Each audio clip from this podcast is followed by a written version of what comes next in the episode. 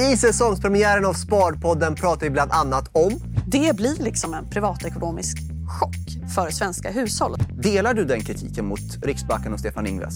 Ja, det gör jag. Det är positivt att Kina öppnar upp. Men det finns liksom den här lilla inflationsrisken. Någon gång 2023 så kommer säkerligen marknaden börja fundera när kommer konjunkturuppgången? När ska vi börja prisa in den? Årets första Sparpodden är här nu. Vi är tillbaka och det med en kanongäst som har varit med i tv, radio, poddar och hon är dessutom min kollega. Vi ska prata om eurokrisen, svenska kronan, hur det går med räntorna, bolån, vad du kan göra med din ekonomi och hur du kan investera för 2023. Jag säger Frida Bratt, varmt välkommen till Sparpodden. Tack så mycket, Ara. Och ja du Frida, vi gick från ett eh, milt sagt inte så bra fjolår till en rivstart på börsen 2023. Eh, so far, ska sägas. So far. Om inte det händer något eh, inom kort varsel. Men eh, hur, hur är stämningen? Nej, men jag tycker väl att så här, nu, ja, det, den har rivstartat börsen. Eh, jag är osäker på hur mycket, alltså hur långtgångna slutsatser man ska dra av det egentligen. Alltså det är ju så när handeln sker under de här dagarna. Det är, liksom lite, det är lite trögstartat och det är många förvaltare framförallt som ska liksom omallokera. Alltså det är inte säkert att man kan dra ut det som har hänt i början av året till att gälla för någon längre period. Så att jag tror nog att man ska vara lite sådär, eh, kanske med en nypa salt, att det har rivstartat. Men det är alltid kul när det händer såklart. Ja, men det är det absolut. Och eh, jag vet ju att det finns ju några, liksom, man hör ju från vissa sparare som typ tjänat den typ 12 procent och bara, ska man bara stänga ner och lämna det för året eller? Ja men precis. Och vi, men man kan ju också säga att vi fick ju inget tomterally som alla hoppades på heller. Så att jag menar, ja, nu fick vi det här istället. Eh, nej men eh, jag tror väl att den här väldigt positiva starten på året, eh, det finns nog skäl att ändå tänka att ja, det kommer nog vara lite mer upp och ner än, än bara så här. Eh, men min syn på 2023 är ju ändå så här, i grunden positiv. Sen finns det ju orosmoln, men jag har i alla fall en ganska positiv syn på 2023. Men eh, i och med att folk, eh, precis som jag, vill veta vad man ska investera mot framöver och veta hur man ska agera. Vad är det som får dig att tro att det kommer bli ett positivt år 2023? Nej, men det finns några faktorer och den, alltså, nyckeln är ju inflationen eh, såklart. Det är ju den som har gjort att 2022 var ett så trist år. Eh, så nyckeln är inflationen, att inflationen faller tillbaka. Det har den redan börjat göra. Nu pratar vi ju USA mycket då. Eh, Sverige ser ut på ett lite annat sätt men man måste liksom blicka utanför Sverige som alla som investerar vet. Utan det är ju liksom över Atlanten som vi tittar. Eh, där har inflationen börjat falla tillbaka. Nu kommer inflationssiffror den här veckan.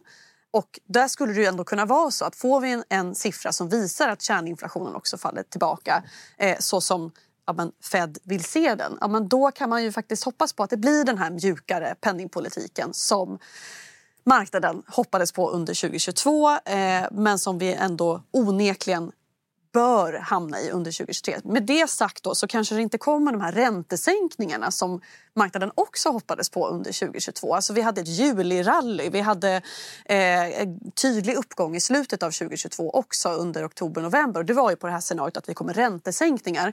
Där kanske vi inte kommer hamna, men att, att Federal Reserve slår av på takten det borde inträffa om inte någonting man vet aldrig, svarta svanar och så vidare. Men, men det, är ändå där, det är ändå onekligen dit vi går, att vi går mot en, en mjukare penningpolitik från amerikanska centralbanken. Och de har liksom börshumöret i sina händer fortfarande. Lite tråkigt att vi har så mycket makrofokus för alla som gillar att titta på liksom enskilda bolag och prata enskilda aktier. Men det är fortfarande så och jag tror att det kommer vara så 2023 också. Men jag vet ju också att man brukar snacka om att eh, men låg arbetslöshet brukar spä på inflationen. Mm. Vi fick en väldigt låg arbetslöshet, rekordlåg arbetslöshet Mm. i USA.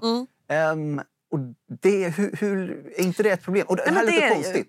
Arbetslöshet, kan det vara ett problem? Ja men precis, och det är det ju. Alltså Federal Reserve vill ju att arbetslösheten ska stiga lite. Det här låter ju jättekonstigt men det är ju liksom en jättehet arbetsmarknad i USA. Det här har ju diskuterats länge. Så att ja, absolut, det är ju liksom det stora, hur ska man säga, Målet i USA. Att, att, att det blir liksom inte blir eh, lågkonjunkturen blir inte så djup där helt enkelt. Det fortsätter att gå ganska bra. Men det som är positivt med det här det är ju att det ändå ser ut som att Federal Reserve har lyckats göra de här väldigt, väldigt snabba räntehöjningarna men ändå mjuklanda ekonomin. Det är så det ser ut nu. Alltså det ser inte ut som att USA kommer att gå in i en väldigt djup eh, konjunkturnedgång. Och det är ändå det som är positivt. Sen får vi ju se med arbetsmarknaden. Den är ju jätteviktig också. Men onekligen så ser det ändå ut som att inflationen kommer att falla tillbaka lite grann. Och då hoppas vi ändå att det där scenariot slår in utan då att liksom, ekonomin kraschar i USA. Och det är ju positivt. Och det är ju liksom en annan anledning tycker jag att se positivt på 2023 eh, när vi pratar konjunktur. Därför att det är lätt att bli lite hemmablind. Alltså man tittar på Sverige. Här är det ju tufft för oss svenska konsumenter. Jag menar, det är liksom dyrt med elen, inflationen stiger, räntorna stiger. Vi håller hårdare i plånboken. Den svenska konsumenten har inte särskilt kul just nu. Men i USA ser det ju inte ut så. En anledning är ju den starka arbetsmarknaden också. Eh, alltså den amerikanska konsumenten mår ju ganska bra. Man verkar ha råd att konsumera fortfarande. Eh, det ser liksom ut som att den här mjuklandningen faktiskt inträffar i USA. Men samtidigt så tänker jag ju, alltså, om, du är Joe Biden och du får liksom reda på att ja, alltså, ekonomin går för bra. Liksom. Det, är, mm. det är för, på, vi har för låg arbetslöshet. Alltså, är inte det politiskt självmord att försöka driva utvecklingen åt ett annat håll? Ja, det är ju inte upp till... Alltså Joe Biden kommer ju inte driva någon, någon eh, politik där. Alltså Joe Biden till att börja med kommer inte kunna göra så mycket alls. Så är det ju också, för han är ju bakbunden efter mellanårsvalet.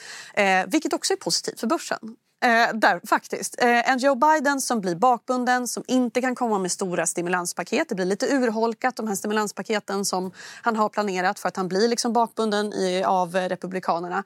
Ja, det är också en faktor som är bra. Så han kommer inte kunna göra så mycket alls. Utan det handlar liksom om vad den amerikanska centralbanken gör och hur det påverkar ekonomin och hur det sen påverkar arbetsmarknaden.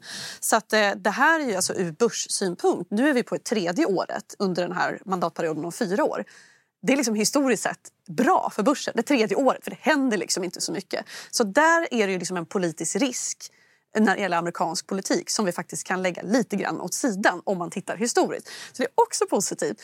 Eh, men, men jag vill ändå komma tillbaka till att vi har haft en inflationsoro under 2022 som förmodligen kommer bytas ut då till konjunkturoro. Men det som är min poäng då är att den ser inte ut att bli så eh, det ser inte ut att bli så otroligt dåligt i USA. Värre i Europa. Här har vi också energikrisen mer närvarande. Kriget, svårt att säga någonting om det. Vi vet inte alls hur det utvecklas. Och jag menar, alla, alla, allting som jag säger nu, det är klart att det omgärdas av en stor osäkerhet. Vi vet ju inte. Men det här är ändå det som talar för att det, det skulle kunna bli ganska bra. Då. Eh, men i Europa ser det lite tuffare ut. Där skulle det kanske kunna bli så att ekonomin går in i recession. Men det är fortfarande inte så att det är lika tufft för konsumenter ute i Europa som det är för den svenska konsumenten. Så återigen så tror jag att man gör sig själv en tjänst om man liksom blickar utanför Sverige. Men det låter ju typ som det du bara säger rakt av är att det är lite... Det är helt okej okay i USA, mm. det är sämre i Europa mm. och lite värre i Sverige. Mm. Att det liksom nästan är värst här. Det är värst här. Alltså titta, det, nej men det, det är det ju. Och en anledning till det är något så trivialt kan det tyckas som vårt väder. Alltså vi har det kallt i Sverige. Alltså ute i Europa är elen också dyr. Ja, men de behöver ju inte värma upp sina bostäder så mycket. Det tar inte lika konsum mycket konsumtionsutrymme, den här energikrisen. Det är en anledning. En annan anledning är att vi är så högt belånade i Sverige och vi har rörliga räntor på ett sätt som man inte har ute i Alltså, eh, hushåll ute i Europa har till stor del bundna räntor. Det blir inte den här räntechocken för liksom, europeiska hushåll, nu pratar jag väldigt generellt då, som det blir för svenska hushåll. För här har vi hög skuldsättning, rörliga räntor, vi får liksom en, en chock helt enkelt i vår plånbok. Det tär på konsumtionsutrymmet. Men det fina i det här, det är ju att våra, om man tänker ur börsperspektiv, det är ju att våra bolag på börsen är ju till väldigt stor del exporterande bolag. Så det kan man ju ha med sig när man tänker eh, eh, börsen 2023 då, att väldigt många av våra stora exportbolag ja, men de blickar ju utanför Sverige. Och Det är det jag menar med att jag tror att man själv kanske gör sin tjänst att göra det också. Eh, därför att det är till stor del hur den globala ekonomin går, hur USA går, hur Europa går som spelar roll för våra bolag på börsen. Och Då kommer vi liksom till hur kommer bolagen hantera den här konjunkturnedgången. Kanske inte blir så illa då. Men du pratar nu om typ så här exportbolag som framförallt typ verkstad och ja, sånt som är precis. Men eh, här är en så här tvåstegare. För jag kan förstå att så här, om man investerar i mycket eh, här på börsen så hamnar man ofta i verkstad om man har till exempel ett index. Eller om man investerar utomlands, då är man ju utomlands mm. som det är. Mm. Men eh, om man eh, som många andra här som lyssnar på podden har en lön i Sverige, bor i Sverige, har en högt belånad bostad och eh, dessutom ska betala för de här elräkningarna Mm. så är det ju inte lika roligt. Och, Nej, eh, det, det kommer bli supertufft. Alltså, nu har vi ju pratat börsen. ja, ska vi säga. Det här ska förtydligas. Nu har vi pratat börsen 2023. Pratar vi svensk privat, alltså privatekonomi för svenskar 2023. Det kommer inte bli roligt 2023. och kommer inte det på något sätt påverka vår svenska börs på något sätt? Att eh, men det det-? Det är ju väldigt mycket inprisat. Så är det ju. Alltså, vi har ju tagit ut så otroligt mycket. Om du tänker alla konsumentbolag har ju redan pressats otroligt mycket just av den här anledningen. Just för att vi vet att det kommer att vara, det har varit tufft för den svenska konsumenten, det kommer fortsätta vara det. Ja, men det är ju liksom, det vet vi ju, det känner vi ju till. Och de här bolagen är ju otroligt nedpressade redan. Så det är det jag menar att eh, där är vi ju nu i det läget. Eh, och så det ska man ju också vara medveten om. Att börsen är liksom framåtblickande. Eh, jag tror att eh, liksom, vi vet att den här konjunkturnedgången kommer. Någon gång 2023 så kommer säkerligen marknaden börja fundera när kommer konjunkturuppgången? När ska vi börja prisa in den? Alltså det, det är ju så, man blickar ju framåt hela tiden. Och nu pratar vi liksom, är det 6-9 månader framåt så är det ju så vi måste tänka när det gäller börsen. Men pratar vi här och nu för den svenska konsumenten, det är ju oerhört tufft för väldigt många. Och det kommer fortsätta vara så 2023. För räntorna kommer inte falla tillbaka. Alltså Riksbankens räntehöjningar kommer förmodligen stanna av. De kommer göra en till räntehöjning i februari. Eh, och räntorna kanske inte blir så mycket högre, men det är ju på en historiskt låg nivå men en hög nivå för den som är väldigt högt belånad. Och det är väldigt många svenskar just nu. En sak jag tänker på är, så här, nu är det säsongspremiär, men i säsongsavslutningen, alltså det sista vi gjorde i december, då hade jag med John Skogman från Börspodden. Och då pratar vi bland annat om just Ingves. Och han var ju väldigt kritisk till att det är liksom Ingves fel att vi har fått den här enorma belåningen som vi har så svårt att hantera. Och han är inte ensam om den kritiken, verkligen inte. Delar du den kritiken mot Riksbanken och Stefan Ingves? Ja, det gör jag. Eh, jag tycker att man var för sen på bollen åtminstone. Eh, jag tycker att man gick från minusränta och nollränta sent. Vi, var, vi hade liksom minusränta och högkonjunktur tillsammans under väldigt, väldigt lång tid. Jag tycker man stirrade för blint på det här målet 2% Alltså hade man haft ett intervall istället, man kan tänka sig att inflationen kan vara 1,5 eller 2,5. Alltså att man lite mjukare syn på vad som är en bra inflation utan att stirra sig blind på att det måste vara just precis 2% Då tror jag att man hade kunnat undvika att ha den här väldigt, väldigt expansiva penningpolitiken under så lång tid. Därför att det stämmer ju att det bidrog ju till att bygga upp den här inflationen i tillgångspriser som vi har haft. Det vill säga stigande priser på bostäder, ökad skuldsättning. Och framförallt då när det här skiftet kom i våras, alltså när, vi, när, vi, när Riksbanken gick från att säga att ja, men vi kommer inte höja räntan, det kommer vara liksom nollränta eh, till 2024. Det sa man liksom i februari. Redan då så såg vi ju tendenser att det började komma liksom stigande inflation. Men man var fortfarande liksom, det var som att alla andra såg det här men inte direktionen. Så att man fortsatte att kommunicera till svenska hushåll att det är lugnt, vi kommer inte höja räntan. Ni behöver inte oroa er för det. Och sen var det liksom någon vecka, några veckor senare så gjorde man den här tvärvändningen och började höja räntan väldigt, väldigt aggressivt. Eh, det blir liksom en privatekonomisk chock för svenska hushåll. Och sen kan man säga hur mycket man vill att ja, men man ska inte låna mer än man kan betala. Hur kan man inte ha räknat med en högre ränta och så vidare. Det här är ändå verkligheten som vi har att jobba med. Ja, men, eh, om man vänder på det, det är klart man kan själv räkna på det men säg att du, eh, precis som jag också var för inte alls många år sedan, någon som ska köpa sin första bostad. Alltså, så här, vad, vad ska du göra? Vad var De andra- alternativet? Ja, ja, de, Ja. Andra, de andra tar ju lånet. Ja. Så de konkurrerar ju. eh, Antingen inte bo alls eller liksom köpa dyrt och belåna sig. Nej, men precis. Det, har funnits, det fanns liksom få valmöjligheter för de som ville. Alltså en bostad behöver man. Eh, så att vad är alternativen? Och det är klart att många resonerade som du då. Att ja, men du gör ju det här och räntorna är ändå låga just nu och som det låter på riksbankschefen så kommer de ändå vara det under överskådlig tid. Ja, men då kanske jag hinner bygga upp, jobba upp ett kapital. Alltså man, folk är ju rationella. Man planerar ju sin ekonomi, vad som sägs. och sen så gällde det här plötsligt inte längre. Ja, det bröt ut ett krig som förvärrade allting och ställde liksom allting på sin spets eh, och, och särskilt inflationen då. Men ändå, att man gjorde den här liksom om, omsvängningen och började höja väldigt, väldigt eh, snabbt. Alltså det gjorde att det blev tufft för många att ställa om, tycker jag.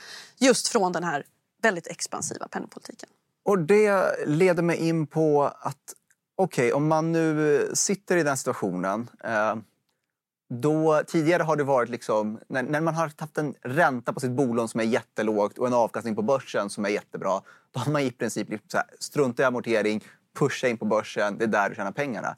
Nu när räntan kommer upp och börsen har varit taskig mm. förra året. Mm. Är det ett läge att börja ställa om till att amortera mer och dra ner på sina investeringar? Eller vad tycker Nej, du? Men det är definitivt så att så här, amortering som sparform har ju ökat i attraktivitet så att säga. Därför att den avkastning som man kan sägas få från att amortera det är ju motsvarande den bolåneränta som du annars skulle ha betalat. Och har bolåneräntorna stigit som de har gjort, ja då ökar ju liksom, inom citationstecken avkastningen. Eh, fortfarande så, så här, jag tycker att det beror lite på vilken belåningsgrad man har eh, och det beror på vad man är för typ av investerare. Eh, så det är svårt att säga liksom generellt. Men är man högt belånad så är ju amortering en bra sparform. För att få ner, alltså det minskar ju risken för eh, alltså det minskar risken i din ekonomi när, för stigande räntor och för boprisfall också. Eh, samtidigt som du får ändå en viss avkastning. Men jag tycker ju ändå liksom att om vi ser liksom börsen i, i ett längre perspektiv så borde det liksom ge mer avkastning långsiktigt såklart. Eh, det är det jag har gjort i alla fall.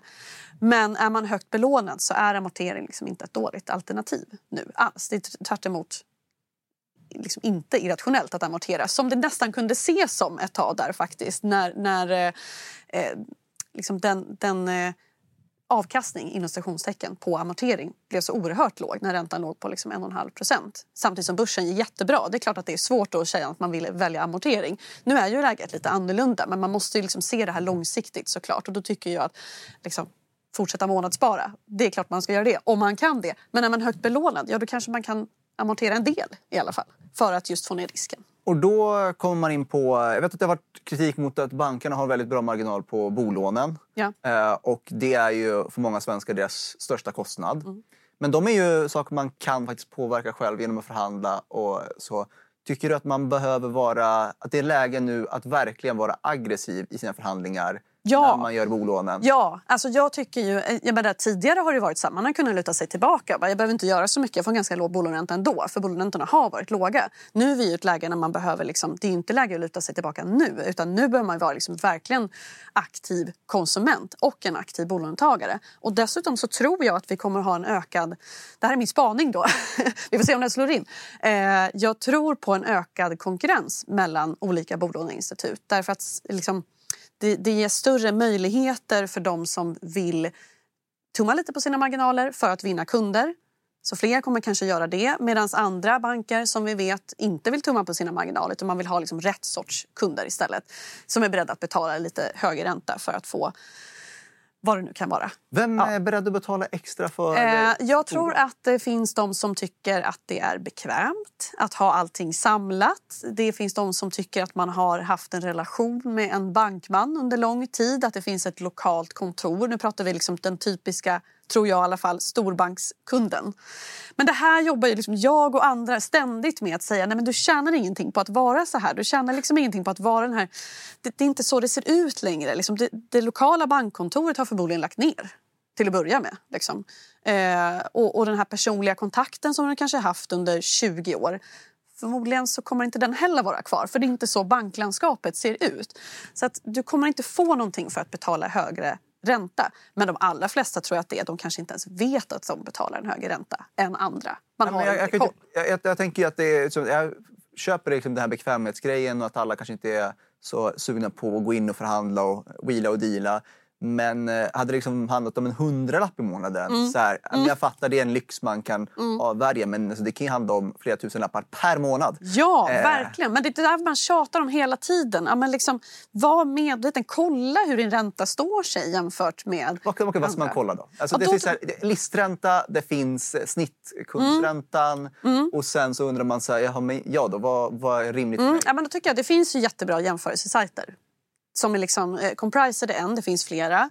Eh, där man kan gå in och titta på bankernas snitträntor. För det är de du ska titta på. Alltså listräntorna, de, det är bara liksom ett utgångs pris. Alltså snitträntorna säger någonting så här, hur förhandlingsvillig är banken? Så att gå in och titta där, vilka ligger bäst till? Ja, men, och sen hör av dig till dem. Eller till att börja med, så här, jämför bara. Men hur ligger jag till? Dels jämfört alltså, med snittet hos den bank jag är kund hos.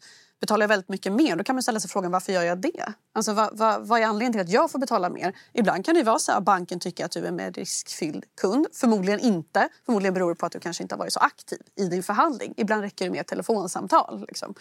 Eh, men har man, alltså banken vill ju tjäna pengar på sina kunder. Så att man ska ju, ha, man ska ju vara liksom en, en, en säker kund i det att man har en säker inkomst. Man är liksom en trygg kund, man kommer kunna betala sina räntor. Men man ska inte ha ett för litet lån. Nu pratar jag ur bankens perspektiv. Ja.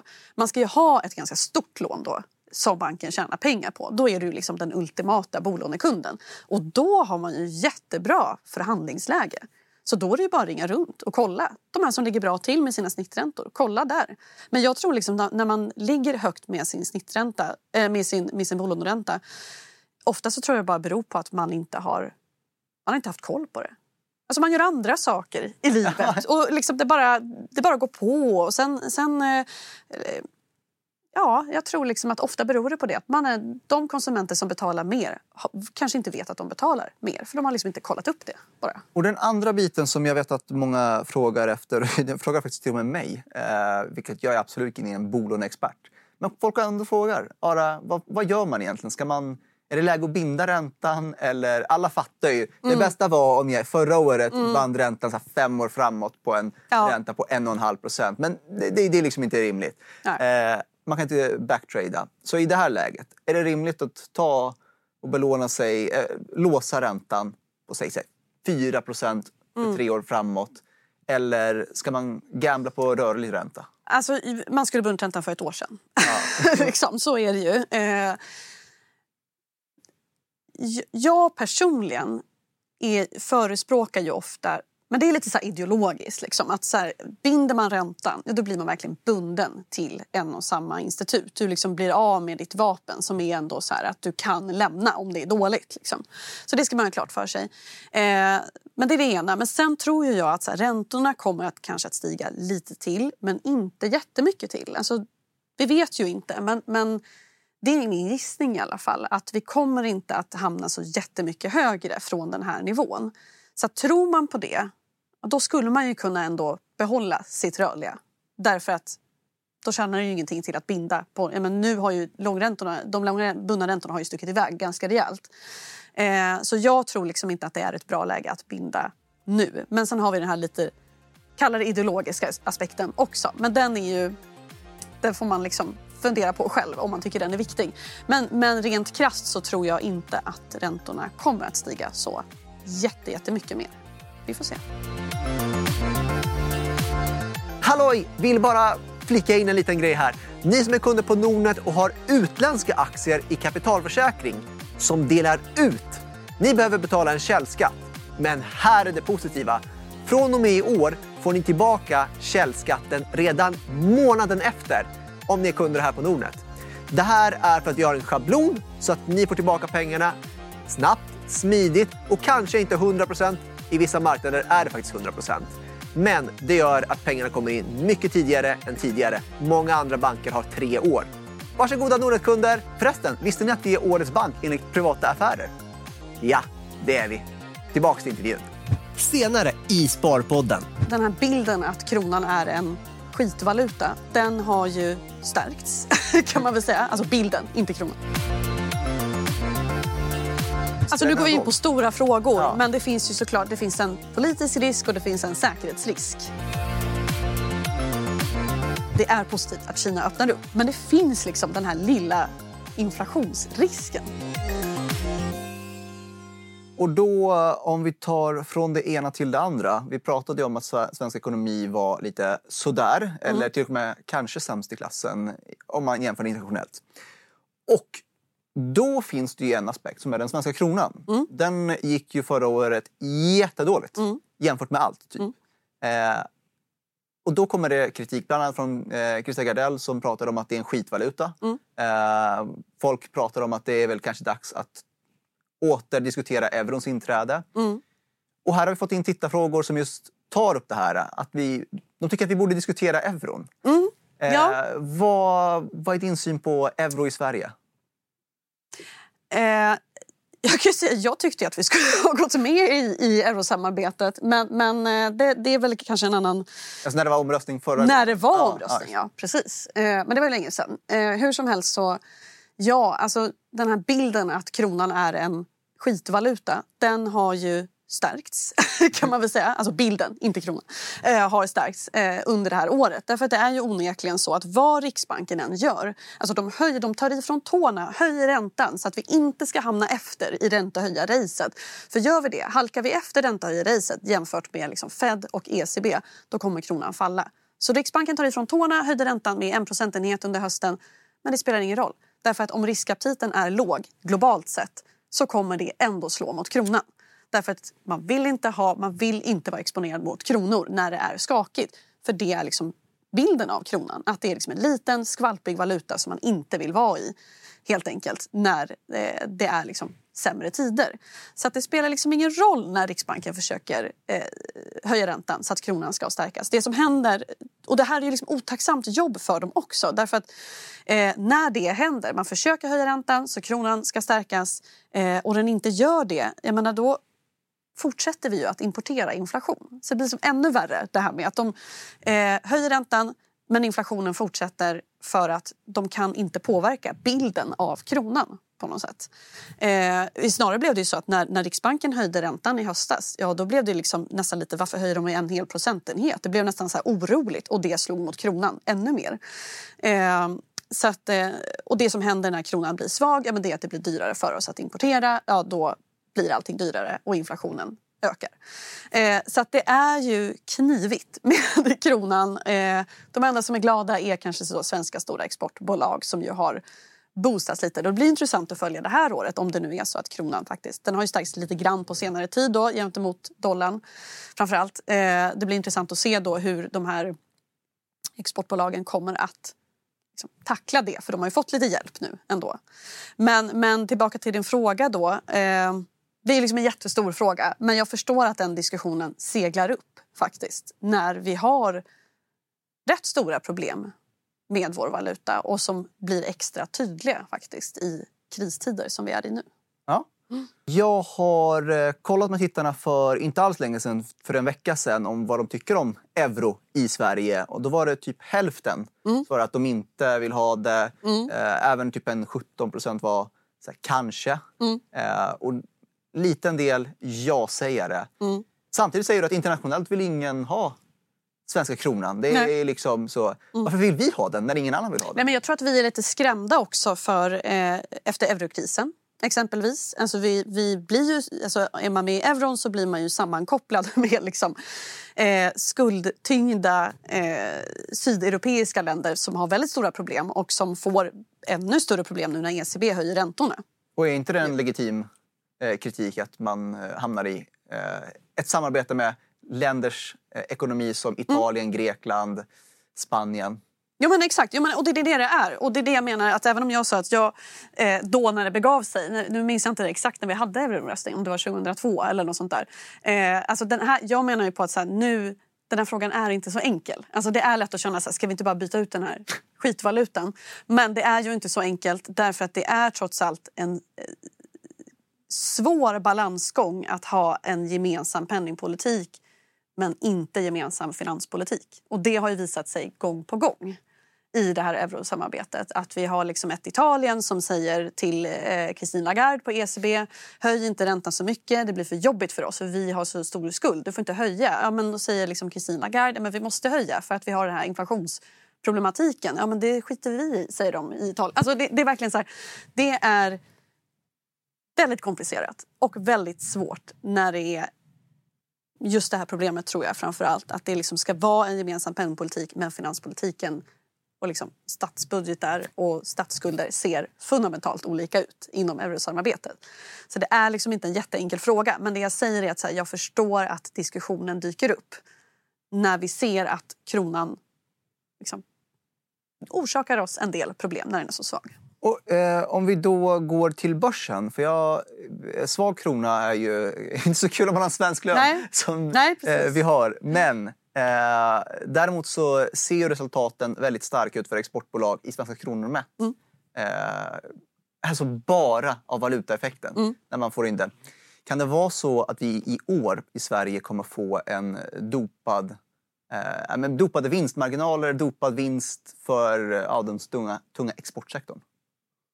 Eh, nej men skulle kunna vara så. Alltså det kommer ju säkert se bra ut nu i fjärde kvartalet när rapporterna kommer in. Eh, men, men sen får vi se. Alltså det beror på vad vi jämför med. Jag tror ju att alltså dollarn har ju stärktes ju otroligt mycket under eh, 2022 och eh, kronan försvagades. Men får vi liksom att börja se ljuset i tunneln lite grann, att det blir liksom att man tror att Federal Reserve kommer att lugna ner sig lite grann med sina räntehöjningar, ja men då den där dollarförstärkningen bör ju liksom inte kunna fortsätta i en evighet. Eh, och då skulle vi kunna få lite att det lugnar ner sig och kanske till och med att dollarn faller tillbaka. Och då blir det ju den situationen för de här stora svenska exportbolagen att de kanske inte får den där kronboosten under hela 2023. Eh, men det kommer nog se ganska bra ut här nu i kommande rapportperiod tack vare den svaga kronan. Eh, och rapportperioden blir intressant av flera skäl också. Eh, och även under hela 2023. Alltså hur kommer man tackla den här konjunkturnedgången? Men det har vi varit inne lite grann på. Då. Eh, men jag tror ju överlag att bolagen har blivit bättre på att tackla sämre tider. Alltså det, är, det är min förhoppning i alla fall. Att man, har liksom, man är lite mer flexibel i sina organisationer. Man har liksom blivit lite slimmade och bättre på att ställa om. Det är en förhoppning. Vi får väl se. Ja, vi får se. Ja. Ja, det, det låter ju positivt. Mm. Ehm, och sen så tänker jag att vi har ehm, vi har ju många bolag här på börsen som är inom fastighet Mm. som kanske var samtalsämnet förra året. Mm. Det var väl Mm. liksom Castellum, Mm. SBB Mm. som är väldigt populärt bland Mm. våra kunder. Ehm, och då har ju frågan varit, i Castellums fall så blev det en, nu verkar det vara en slopad utdelning. Mm. Eh, SBB säger att de inte ska slopa utdelningen. Och det här är viktiga grejer. Absolut, absolut. Ja, alltså Castellum är ju framförallt eh, en aktie som många har köpt för utdelningen. Alltså för att det är en, en skulle bli, blivit en utdelningsaristokrat om man inte hade ställt in. Då. Så att, eh, de, det så är på det. målsnöret. Verkligen. de var verkligen på målsnöret där. Eh, och det är ju intressant därför att utdelningen, alltså när vi pratar utdelningar så är det ju, tror jag, fastighetssektorn som kommer att sticka ut eh, med utdelningsbeskeden. Det, och det är ju liksom på något sätt rimligt om man är eh, om man har liksom en hög skuldsättning i förhållande till sitt börsvärde. Man har liksom stora tillgångs, tillgångar som ska refinansieras och det har blivit dyrare att låna, vilket det har blivit när räntorna har stigit. Då är det ju inte jättekonstigt om man liksom prioriterar att stärka balansräkningen istället för att dela ut. I de fallen. Alltså I det fallet så menar du att de hellre amorterar med pengarna Ja. än delar ut till aktieägarna? Ja, precis. Och det, det, vi får väl se, men det vore inte konstigt menar jag. Om det liksom, eh, men just i Castellums fall så blev det väl lite... Det kanske inte var där som de flesta av oss hade skulle ha pekat ut. Det är det där bolaget som kommer att göra så. Det känns som det blev var SBB som var mest i, i och med att det fanns blankare framför allt där. Och så, Men de så. löser det på ett annat sätt och de avyttrar istället. ja, det och säljer Ja, fastigheter Säljer fastigheter för att få ner eh, skuldsättning och sådär. Så att man gör väl på olika sätt, antar jag. Men om vi pratar utdelningar så är det ju framförallt, tror jag, i fastighetssektorn för att den är så högt skuldsatt, nu pratar jag generellt, som vi kommer kanske att få se minskade utdelningar eller inställda utdelningar. En av mina föregångare här i Sparpodden som eh, också var här gäst eh, i höstas, Günther Mårder. Mm. Han pratade om att de här försäljningarna vi gör här i Sverige i form av dels fastigheter men också bolag. I och med att svenska kronan är så svag, Mm. börsen har gått så svag och så vidare. Det leder till att vi säljer ut våra svenska tillgångar billigt internationellt. Mm. Och att eh, det tyckte han var någonting som kommer vara eh, någonting vi kommer reagera på i efterhand. I framtiden, ja. Ja, i framtiden. Ja, liksom. ja, Att. Tror du också att det är... Säljer vi ut våra svenska tillgångar billigt?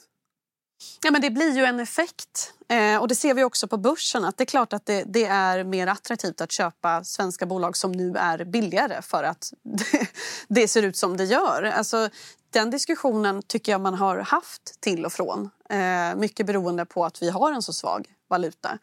Eh, och jag tycker mig se liksom att vi har ju en del uppköp eh, på börsen som visar på just det här. Eh, Finns det någon fara i det här? Alltså, eller spelar det någon roll om det är någon katarisk investmentbolag som köper upp någon fastighet här i Stockholm eller en amerikansk eller en kinesisk? Alltså nu går vi in på stora frågor, ja. men det finns ju såklart det finns en politisk risk och det finns en säkerhetsrisk eh, med det här. Eh, det är ju liksom väl...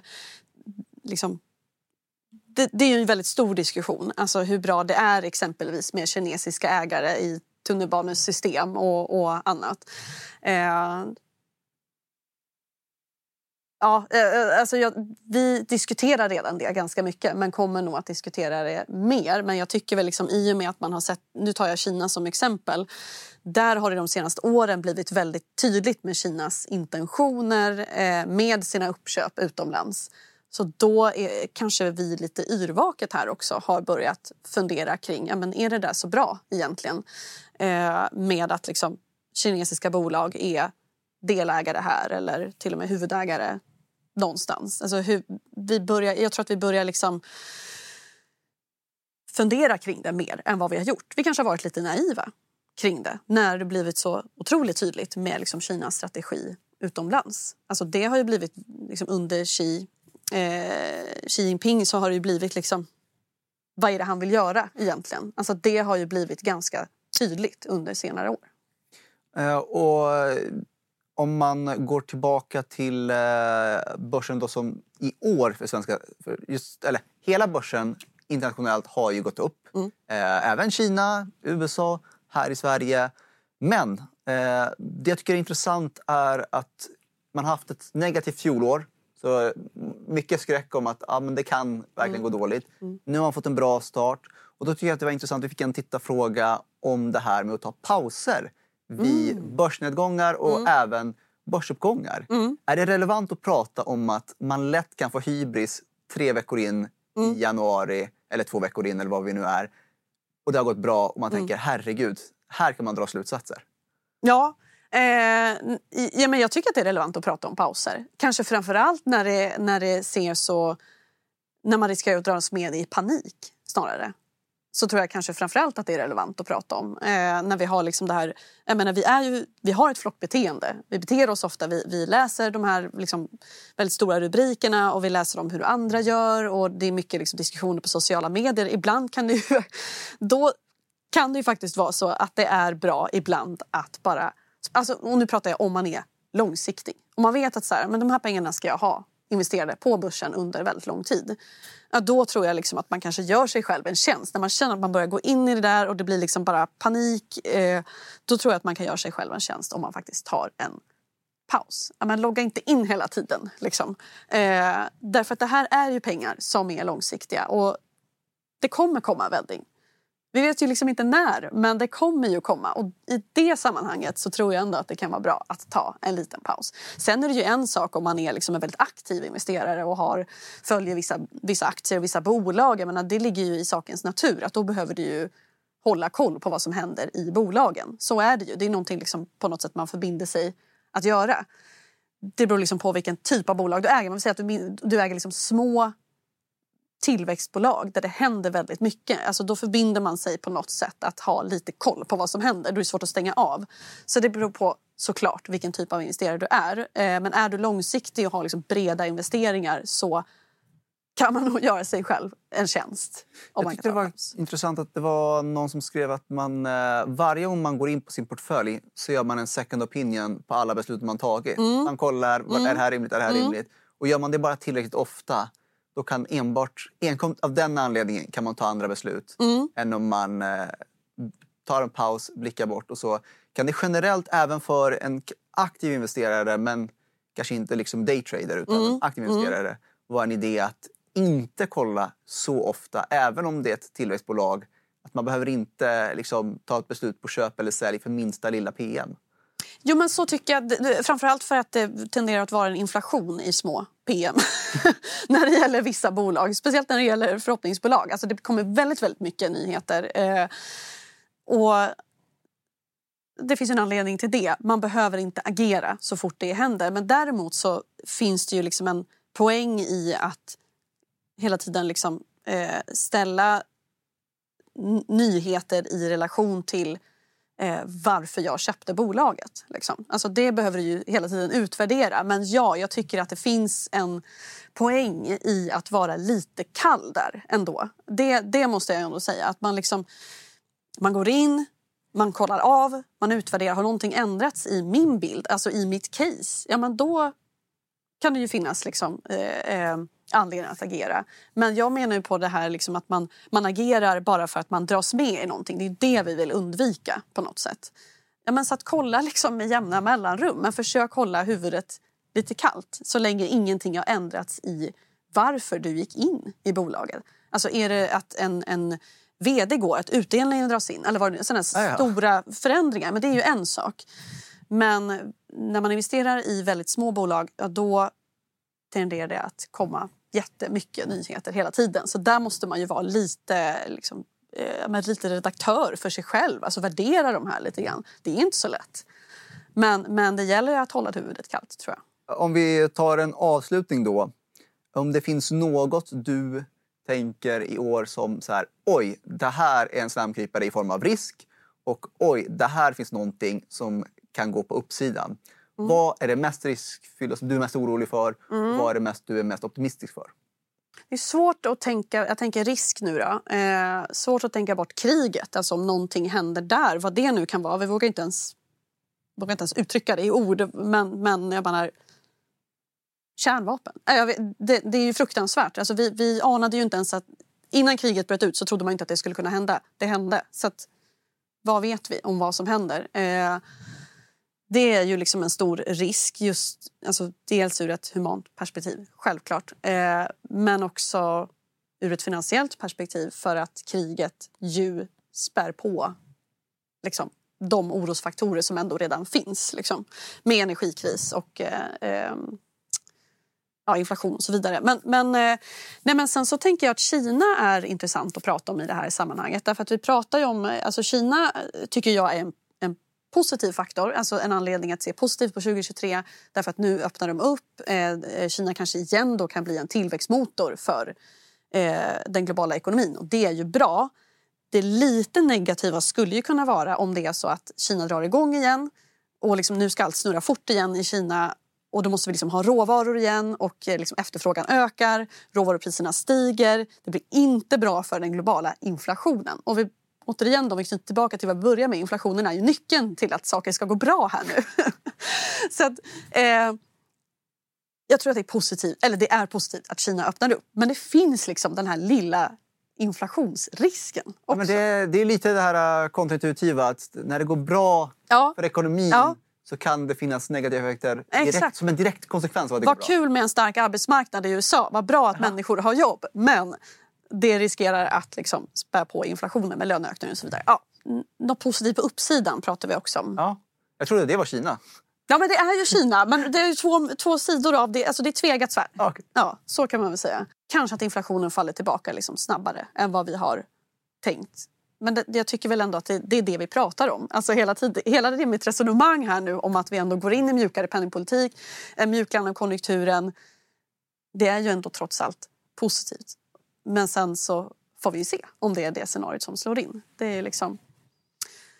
Det är min förhoppning. Så försiktigt optimistisk 2023? Ja, det tycker jag ändå. Ja. ja. Sen kanske jag får äta upp det här. Nej, vi får ja, se. Vi, vi får, se. se. Vi får ja. se helt enkelt. Eh, vi får ta en temp i eh, höst. Då går vi igenom, eh, i slutet av hösten, då får vi se vad, hur utfallet blev ja, efter absolut. Eh, prognoserna. Men det var allt vi hann med i den här Sparpodden. Vi är såklart tillbaka nästa onsdag. Missa inte oss då. På återseende. Tack Frida! Tack!